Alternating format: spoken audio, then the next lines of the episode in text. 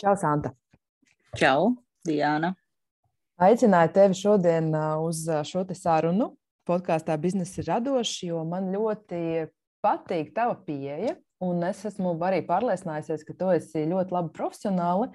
Un, un es tevi vispār iepazinu pirmo reizi Instagram. Mēs esam klasiski Instagramā iepazināmies pāris.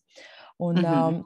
un man Jā, man ļoti patīkami pārsteidza tas, ar kādu kvalitāti tu piegāji lietām, kā tu stāstīji par to, kas vispār Instagramā notiek. Tas man ļoti nošarmēja.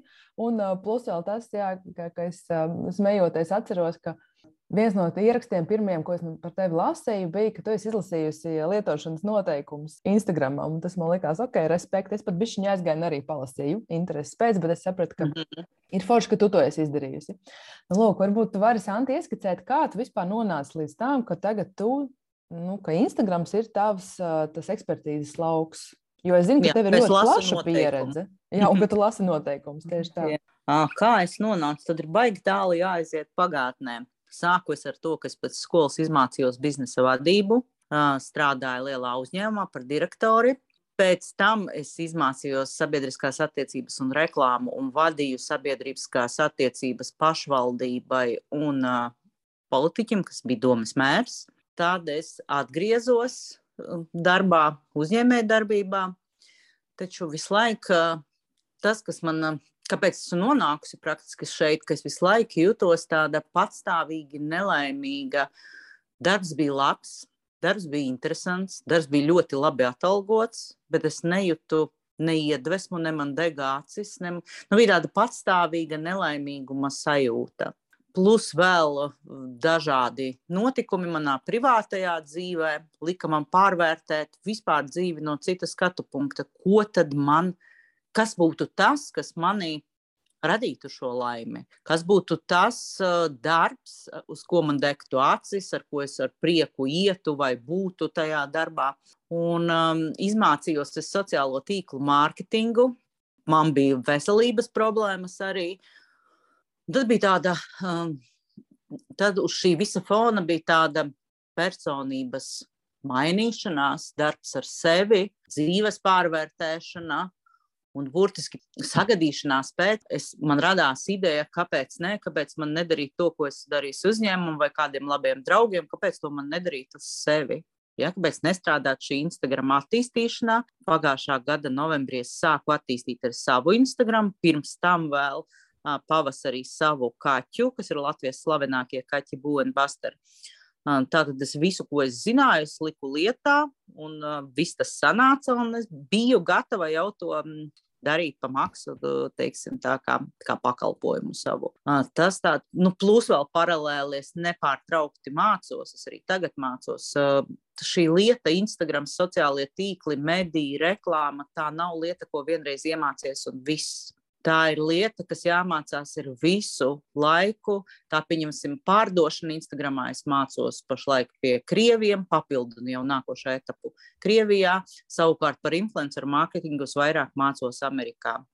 Tās ir attālinātas, protams, apmācības, bet šajā jomā noteikti visu laiku papildināšana, sevis mācīšanās, jauna uzzināšana, visu laiku augšana pēc kaut kā dziļāk iet un zināt vairāk nekā citi. Tas ir ļoti svarīgi.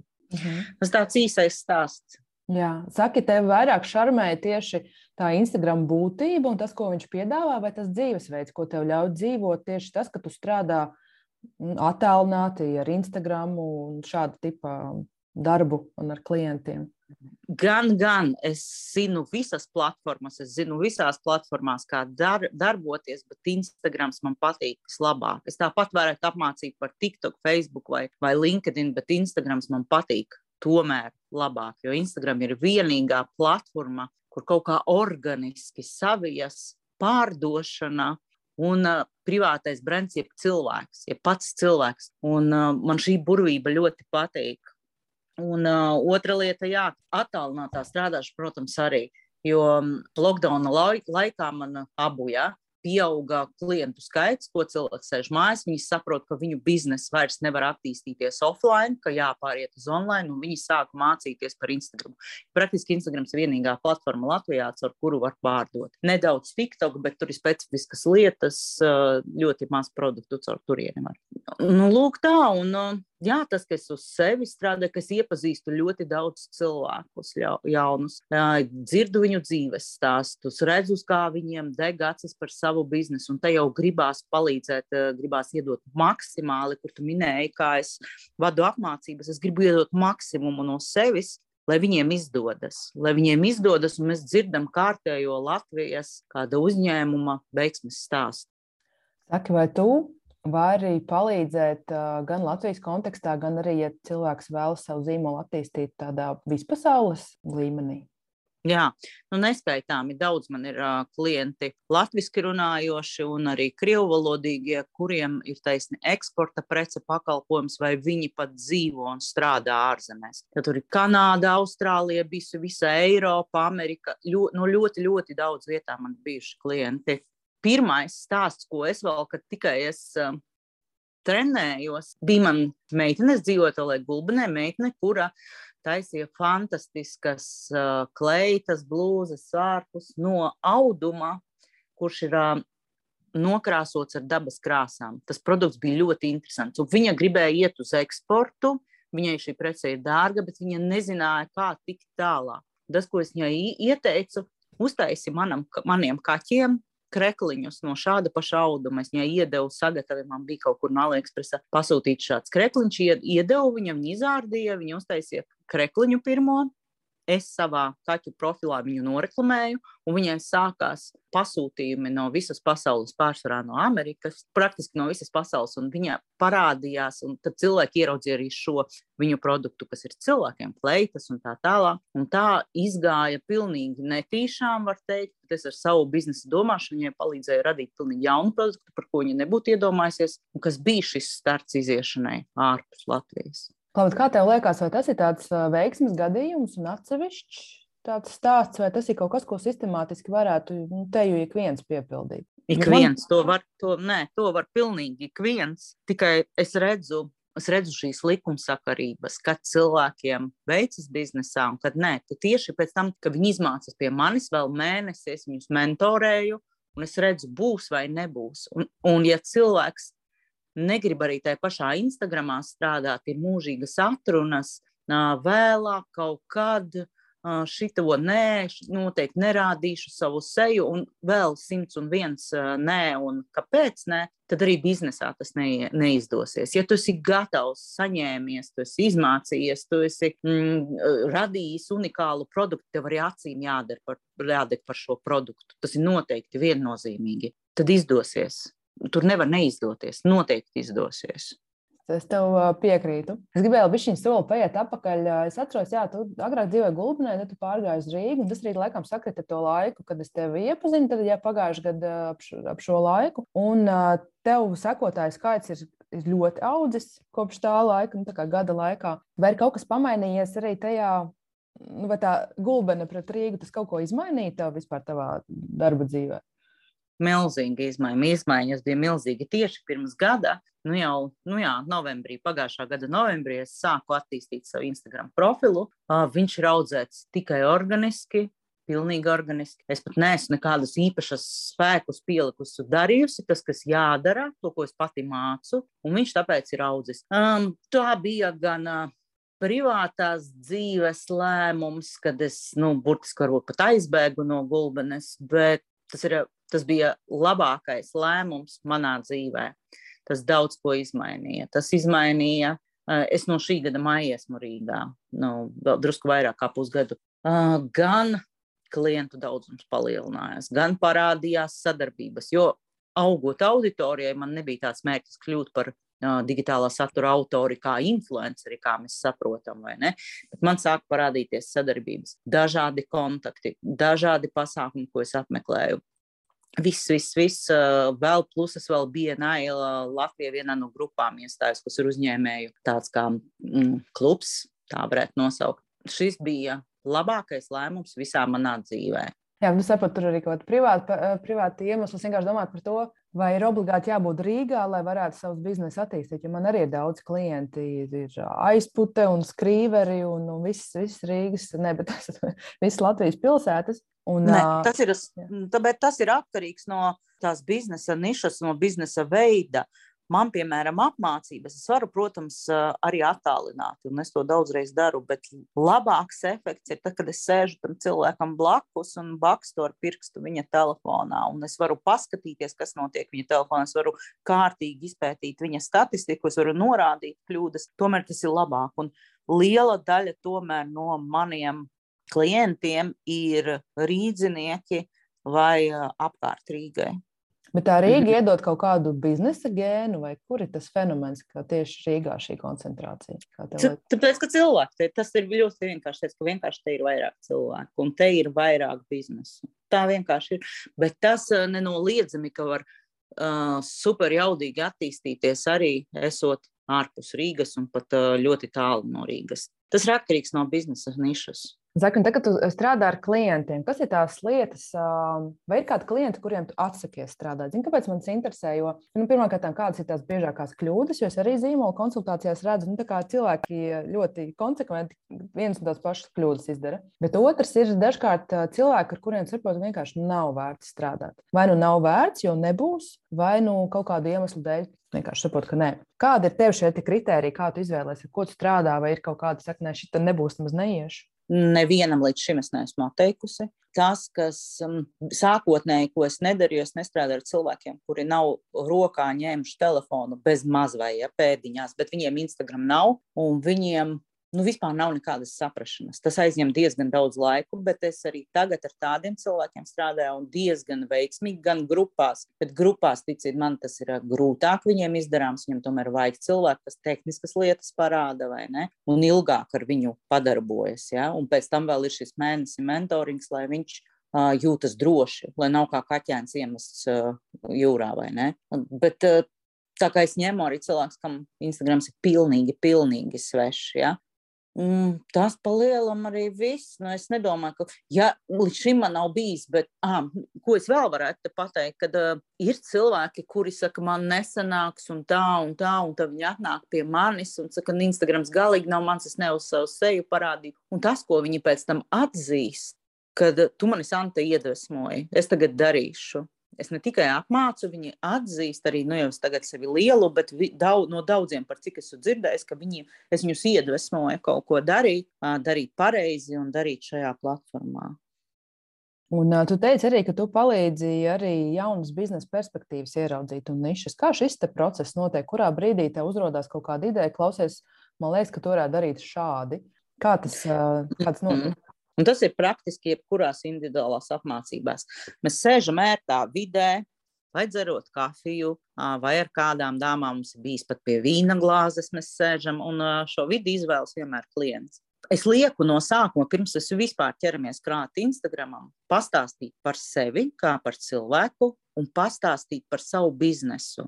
Un tas, ka man ir šī pieredze biznesā un, un izglītība, tas Un cilvēkam parasti ir grūti. Viņš ir šajā biznesā kādu laiku, un viņš ir drusku ierūsējis un iestājies savā kastītē. Un tagad no malas cilvēks, kas saprot šo lietu, paskatās, tad es redzu pilnīgi jaunas lietas. Tā ir, kad, um, kad viņi saka, jā, mēs ar tādu blogeri strādājam, tādu, un es saku, bet kāpēc tu mokies ar to blogeri? Es tev ieteikšu daudz labāku, kas tiešām iznesīs tavu biznesu citā līmenī. Vai arī, jā, bet šis man produkts neiet, un es saredzu, ka ar šīm pašiem resursiem varētu pilnīgi cits iet, un tur bez ieguldījumiem pat pār, pārorientēties ļoti vienkārši. Un es to pasaku, bet tas notiek šīs sarunas laikā, kamēr mēs sākotnēji nerunājam par Instagram, bet runājam par biznesu un par šo cilvēku. Tad, lai arī cik ir jāattīsta arī privātais brands Instagramā, es bieži jautāju, Kas ir tās lietas, kas tev patīk, par ko deg acis ārpus tava biznesa? Kas ir tas, kas tev padodas, kas, kas tev iepriecina ikdienā? Un tur ar daudz kas paveras. Arī nu, var redzēt šīs cilvēka spējas un, un, un daudzas lietas.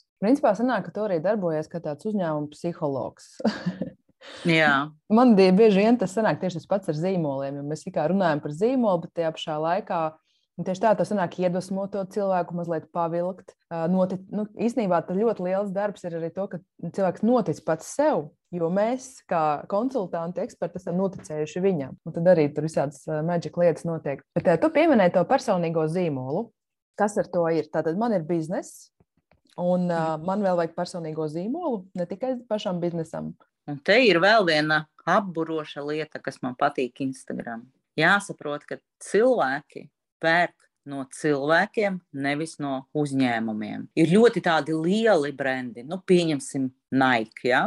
kā piemērs, kuriem jau ir atpazīstams vārds, un mēs zinām to viņa stāstu, vai ne? Mēs zinām tās viņa vērtības uzņēmumu vai Coca-Cola. Mēs zinām, un tomēr viņi uh, rāda šos populāros cilvēkus, kas iznes šo viņu vārdu. Tāpēc, ka cilvēks grib redzēt cilvēku, nevis mistisku veidojumu uzņēmumu, kur ir nesaprotams. Bet Instagramā tas ir vēl, kas stāv aiz šī profila, kas veido šo profilu, kas stāsta šo stāstu. Tas ir ļoti svarīgi. Tādi profili, kā es viņus saucu par skatlogu profiliem, kur atrādīt tiek tikai prece un ir tīrs pārdodošs saturs, viņiem vairs nav iespēja attīstīties. Ar katru gadu šī iespēja samazinās, samazinās un samazinās. Mēs neredzam šo cilvēku, mēs neredzam šo uzņēmēju, kurš vislabāk var pastāstīt par savu uh, preci, pakalpojumu, parādīt, kā notiek ražošana, vai kā, kā notiek, pieņemsim, kočam apmācības, vai kā notiek preces nosūtīšana klientam. Šīs daudzās, daudzās lietiņas, kas ir interesanti redzēt, un kādēļ arī seko, nesekos plikam.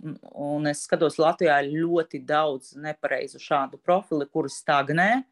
Tur, protams, viņi ir pat lieli zīmoli, ir mārketinga cilvēki, un uh, viņi nesaprot šo lietu. Tāpēc nu, tas, ko es jauns produkts, kurus es tikai pāris uh, mēnešus daru, es eju uz lieliem uzņēmumiem un apmācu visus viņu mārketinga cilvēkus, kā darboties Instagram. Um, jo viņiem ir šī pamata izglītība, bet par Instagram viņi nesaprot neko. Viņi zina, kā uztaisīt smuku bildi, uzrakstīt pareizu literāru tekstu, ja viņš ir, un tas ir viss, un pārdot un pārdot. Bet tā noturēt sekotāju, iegūt un noturēt absolūti nevar. Bet, tu man piekrīti, ka tas darbs, nu, būšana Instagram, vispār komunikācijas veidošana, tas nu, reāli ir darbs. Tas ir, ja ne pilns slodzes, tad puslodzes darbs. Un tajā brīdī, kad tu vēl pilnas slodzes darbs. Un, un tev vēl ir pa, savs bizness, savs produkts, tev vēl tas ir jāražo, jāsūta, man grāmatā mm. jākārto. Tad, nu, varētu būt, ka nu, cilvēkiem dažiem vienkārši nu, rokas nolaižās, kur vēl to Instagram taisīt. Jo tas tiešām ir pilns slodzes darbs. Saki, kā tev liekas, vai nu, ja, ja tam uzņēmumam nav kapacitātes katru dienu vai nu, nezinu, vismaz pāris reizes nedēļā tam pieslēgties, vai viņam ir vērts uztaisīt tādu vizītkartes profilu un vienkārši reklāmas pirkt, vai tas ir kaut kas, kas varētu nē. viņus izglābt? Nē.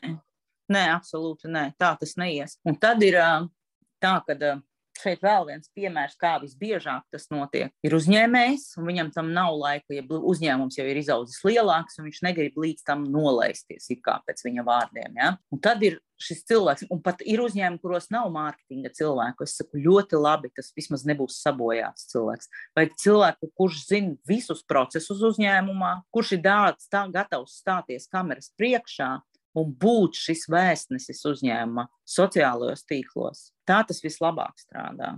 Un to bieži vien izvēlas. Labi. Nu, tik un tā, man tur šeit, es nezinu, kā var daži cilvēki tikt galā ar šo te, nu, ka 24 stundas diennaktī un pilnīgi visu izdarīt. 24 jo... nevajag. 24 ne. Zini kā, praktiski ir tā, ja tev ir cilvēks spēj ražot labi idejas, un sakārtot viņas plānā smuki publicēšanas, un viņam piet, pietiek, teiksim, ar trīs publicēšanas reizēm nedēļā, un radīt uh, vienkārši, kā sakot, backstage, ejot uz darbu, esot darbā, radīt šos storijus, ja, nu, tad zini, kā, nu, pietiek ar trim, četrām stundām. Tad pietiek, bet tas ir, ja tu esi gatavs radīt uh, šīs idejas nepārtraukti un Instagramā attīstīties lēnu, jo par laimi, par nelaimi, bet ir tieša korelācija starp Instagramā pavadīto laiku, noteiktām, uz noteiktām darbībām, ko tur dari, un ātrumu, kādā aug tavs profils. Mm -hmm. Ir mhm. tieša korelācija. Un te mēs nonākam pie tā, ka šis eh, profils var augt, bet eh, daudz sekotāju vēl nenozīmē labu biznesu. Vai ne? Tā ir. Mm -hmm.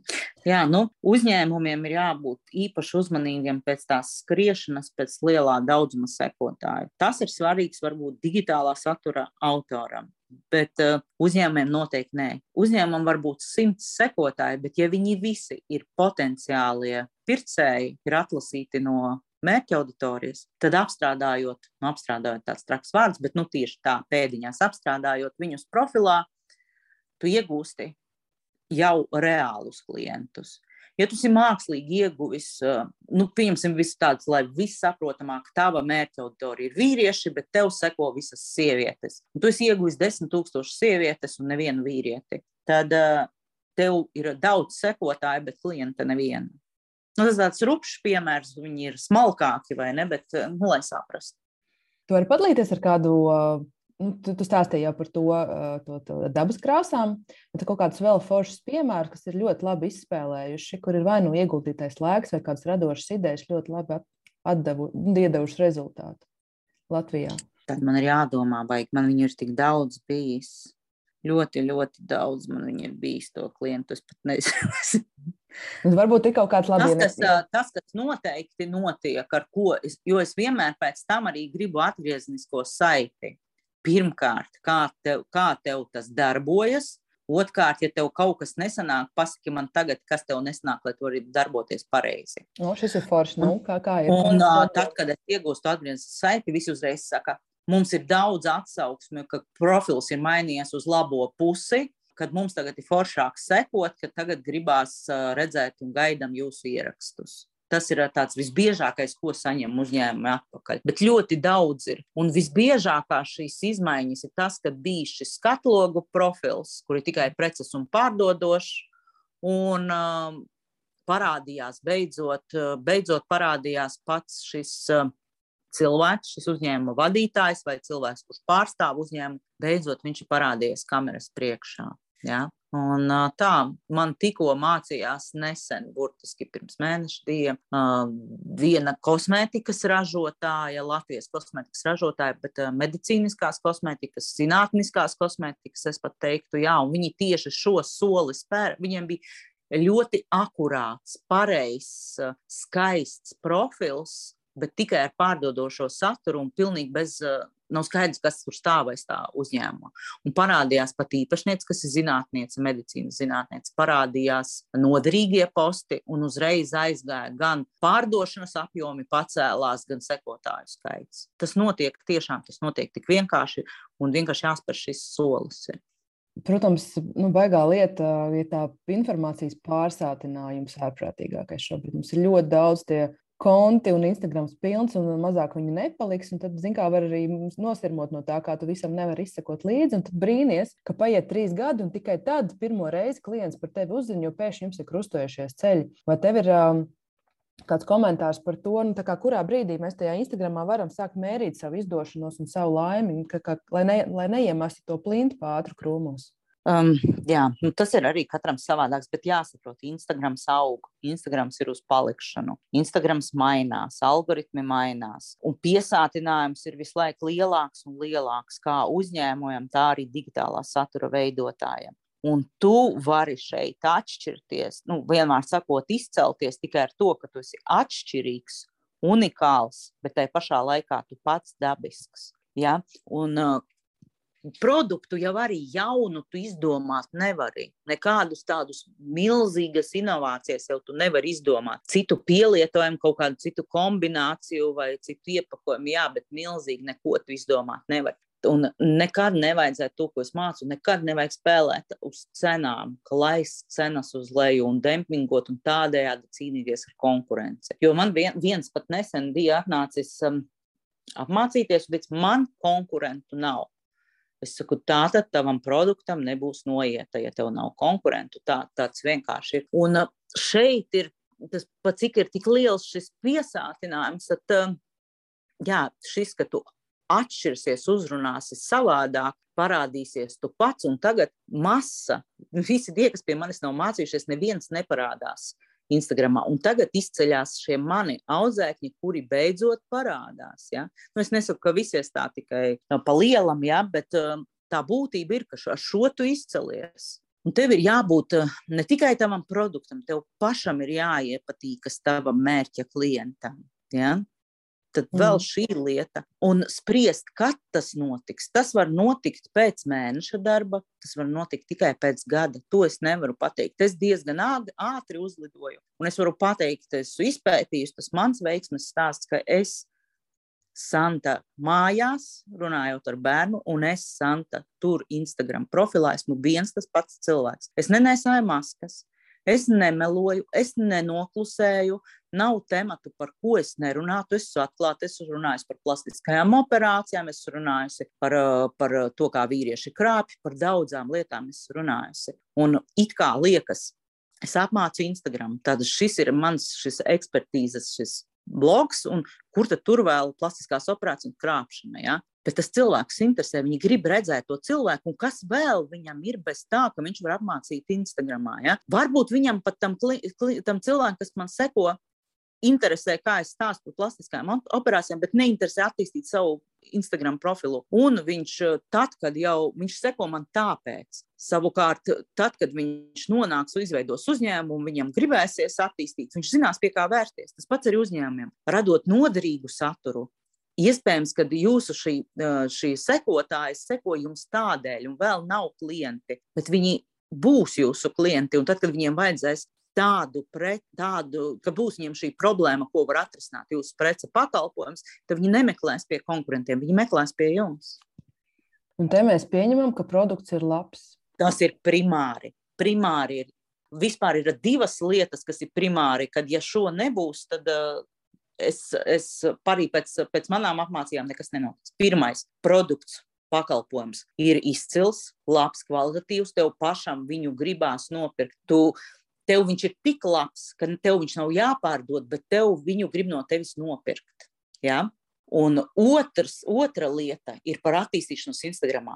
Man ir nācis viens klients un saka, man ir riebies Instagram, es negribu tur strādāt, eh, es negribu tur, es saku, atrodi cilvēku, kas to darīs tā vietā, ja tu tomēr gribi attīstīties. Es saku, ja tev riebies, tad labāk nevajag vispār, jo to tikai šitā te atkodīs sekotāji, ka tev to ar mokām kaut ko ieliec postu, tev tas rada milzīgas grūtības, milzīgu apņemšanos, ka tu kā ar pret zobu sāpēm izturies pret um, insta, ien, ienākšanu Instagram. To sajūtīs, tad labāk nevajag. Un šīs divas lietas, ja ir, ir viss ok, tur viss izdosies, tur nevar neizdoties. Protams, ja zini, kā pareizi to darīt. Vai labāk tad ir būt atklātiem? Nu, piemēram, es arī es, uh, es uzskatu, ka es esmu ļoti līdzīgi gan kā mājās, gan ar draugiem, gan ar klientiem. Es kā, nu, tieši tā, lai man būtu pašai vieglāk dzīvot, es nemainu reģistrus, man ir tas uh, viens. Bet tajā pašā laikā es atzīstu, ka es varbūt nevienmēr draudzējos ar frizieru un kosmētiku un tā. Un tad es esmu nu, tā kā, tā, tāds dabas bērns. Ja?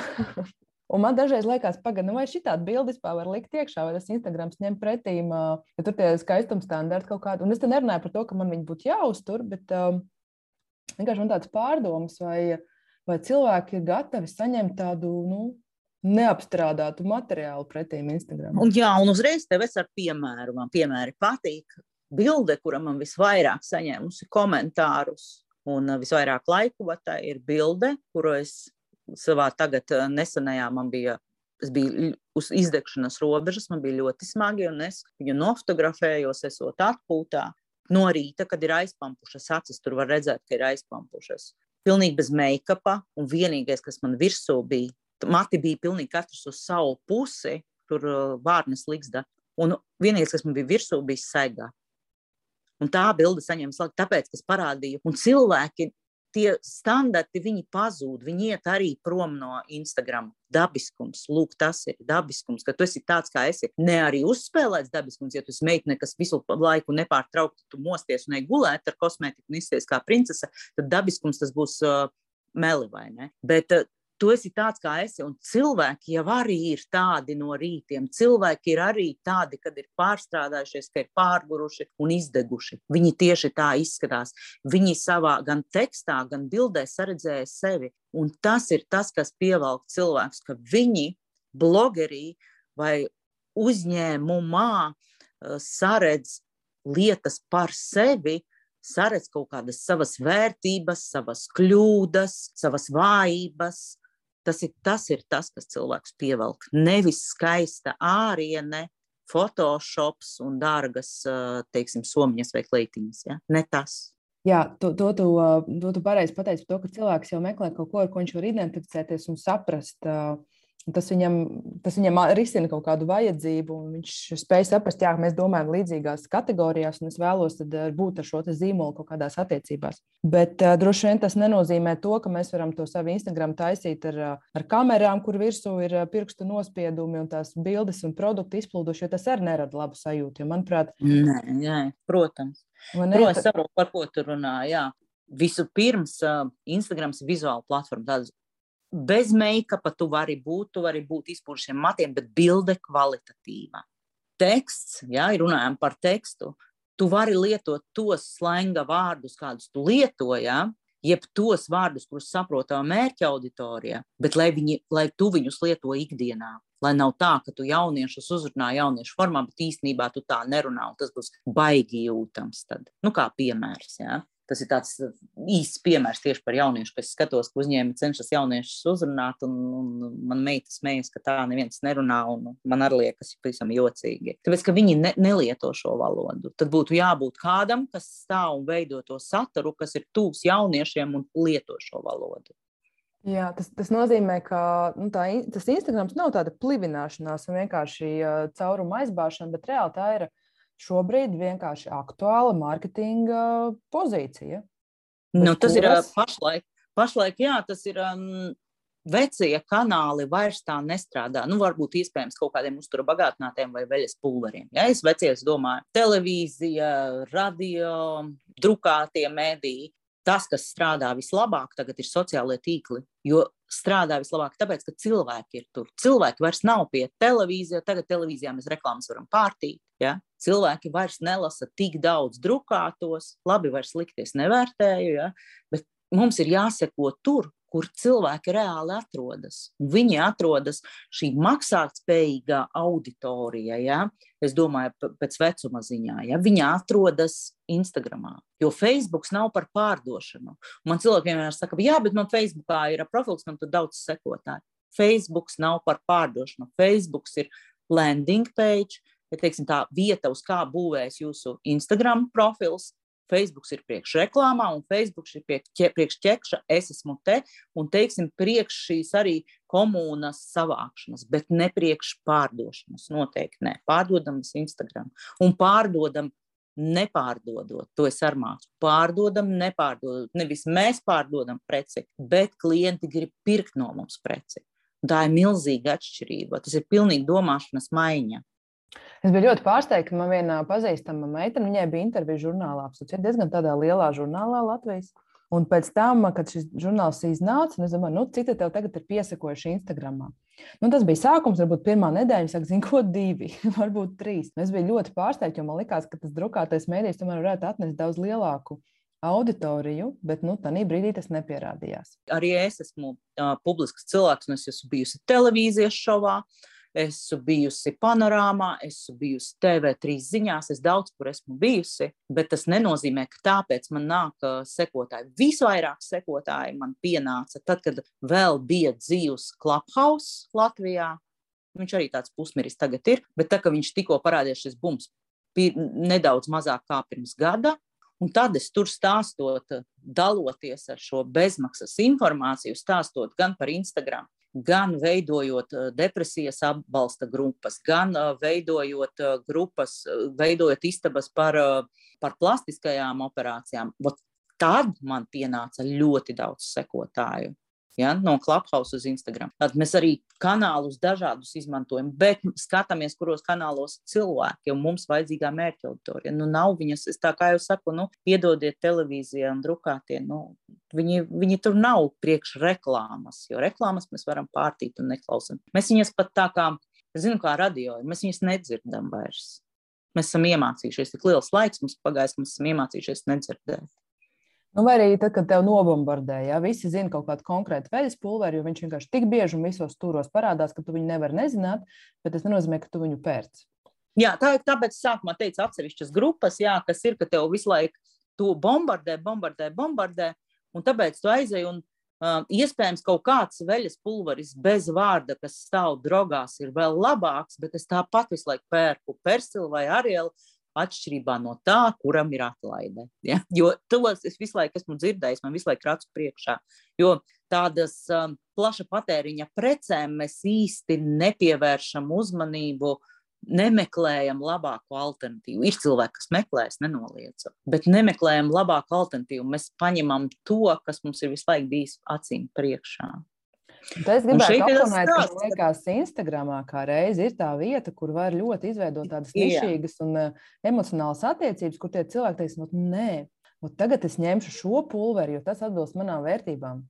Nu, Instagrams ir vēl tieši, kad es saku acu priekšā, tad Instagrams ir vēl viena lieta. Jo, un ne tikai ar šo pārdodošo saturu, bet arī ar noderīgo. Ja pieņemsim mums visu laiku karielu, nu pieņemsim, ja nav viņi man samaksājuši. Stāstīt kaut kādas noderīgas lietas, bet būt nepazīstams uh, brands. Ja? Un es visu laiku sekotu daļai šīm noderīgām lietām. Tas veikalā ieraudzītu to produktu, man asociētos, o, tas tur vienmēr man stāstīja, ka tas ir labi, tas, bet pat maz saistīti ar viņu produktu nu, sasaistē jābūt, bet ne tieši. Ja? Un jā, es viņu ņemu, viņš ir stāstījis, nu, piemēram, nu, nav veiksmīgs, nav veiksmīgs piemērs, bet viņš būtu stāstījis, cik dabai draudzīgiem jābūt, ir, kā mēs varam kļūt vēl draudzīgāki. Un tad man, es domāju, ka manas vērtības ir tādas pašas, es paķeru, jo man dēļ vērtībām, kuras es visu laiku esmu redzējis Instagram.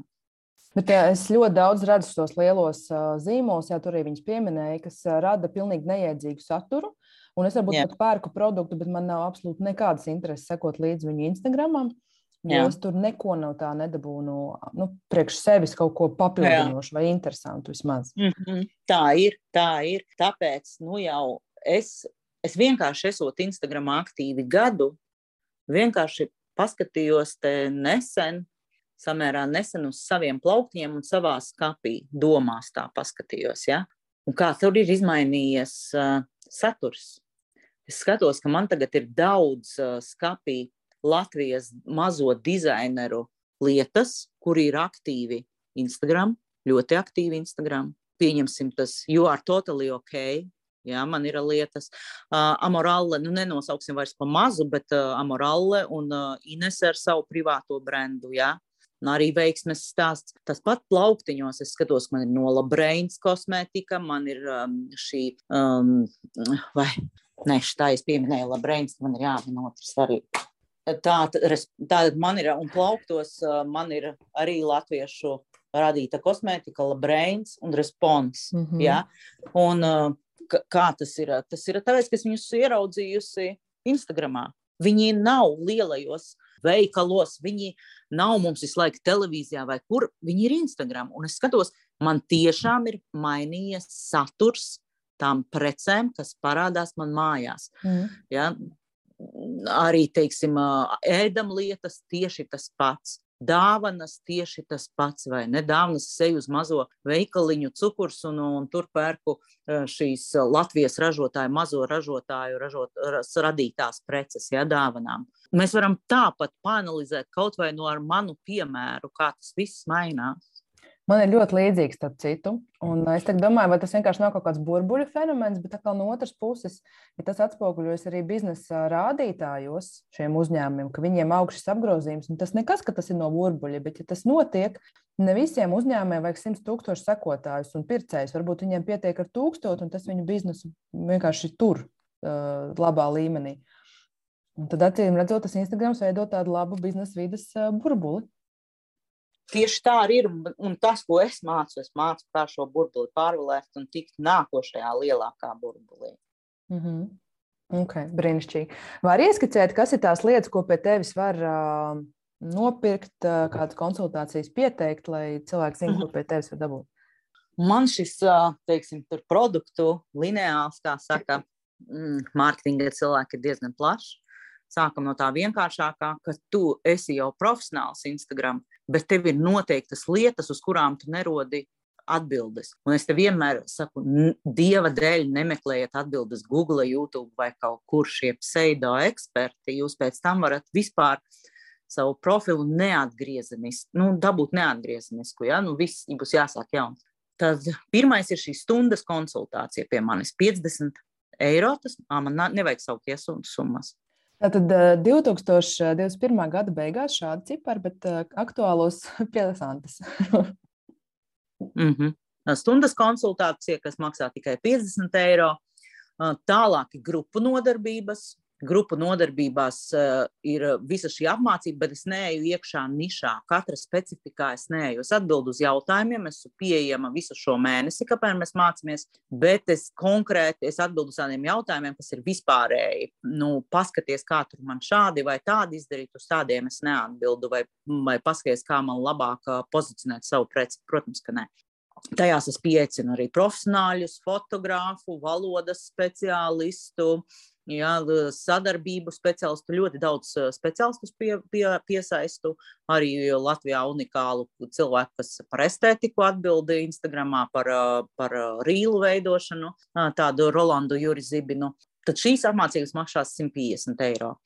Un nākošais līmenis ir individuāli. Šo ļoti daudz izmanto tieši šīs individuālās, kad mēs mācāmies tēta tēt, divatā. Uh, mēs nomācāmies šo vienu dienu, tad es dodu visus materiālus, kamēr mēs mācāmies, tikmēr, lai nav nekas jāpieraksta, nekas nav jādara, bet ir pilnīga koncentrācija uz to, ko es runāju un to, ko mēs darām. Un tad vēl mēnesi es mentorēju. Es, es skatos, kā tam cilvēkam veiksies, un viņš var mēnesi izmantot manus pakalpojumus kaut vai katru dienu. Tad tas ir 300 eiro, un tas augstākais plaukts, ko izmanto lielāki uzņēmumi, ka viņi aicina mani pie sevis, lai es apmācu viņa mārketinga cilvēkus. Nu, pieņemsim, es biju veselības centrs 4, kur bija visu filiāļu mārketinga cilvēki, un viņiem ir vairāki Instagram profili, un es viņus visus vienā reizē apmācīju, un tad arī visi šie materiāli nāk līdzi, un arī arī mēneša atbalsts. Ja? Tas ir 500 eiro.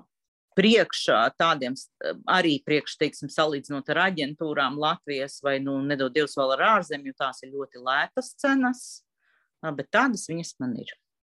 Un tas noteikums, kad tu māci, ir, ka tad nu, būs jādara konsekventi, cik bieži mm. dienā vai nedēļā.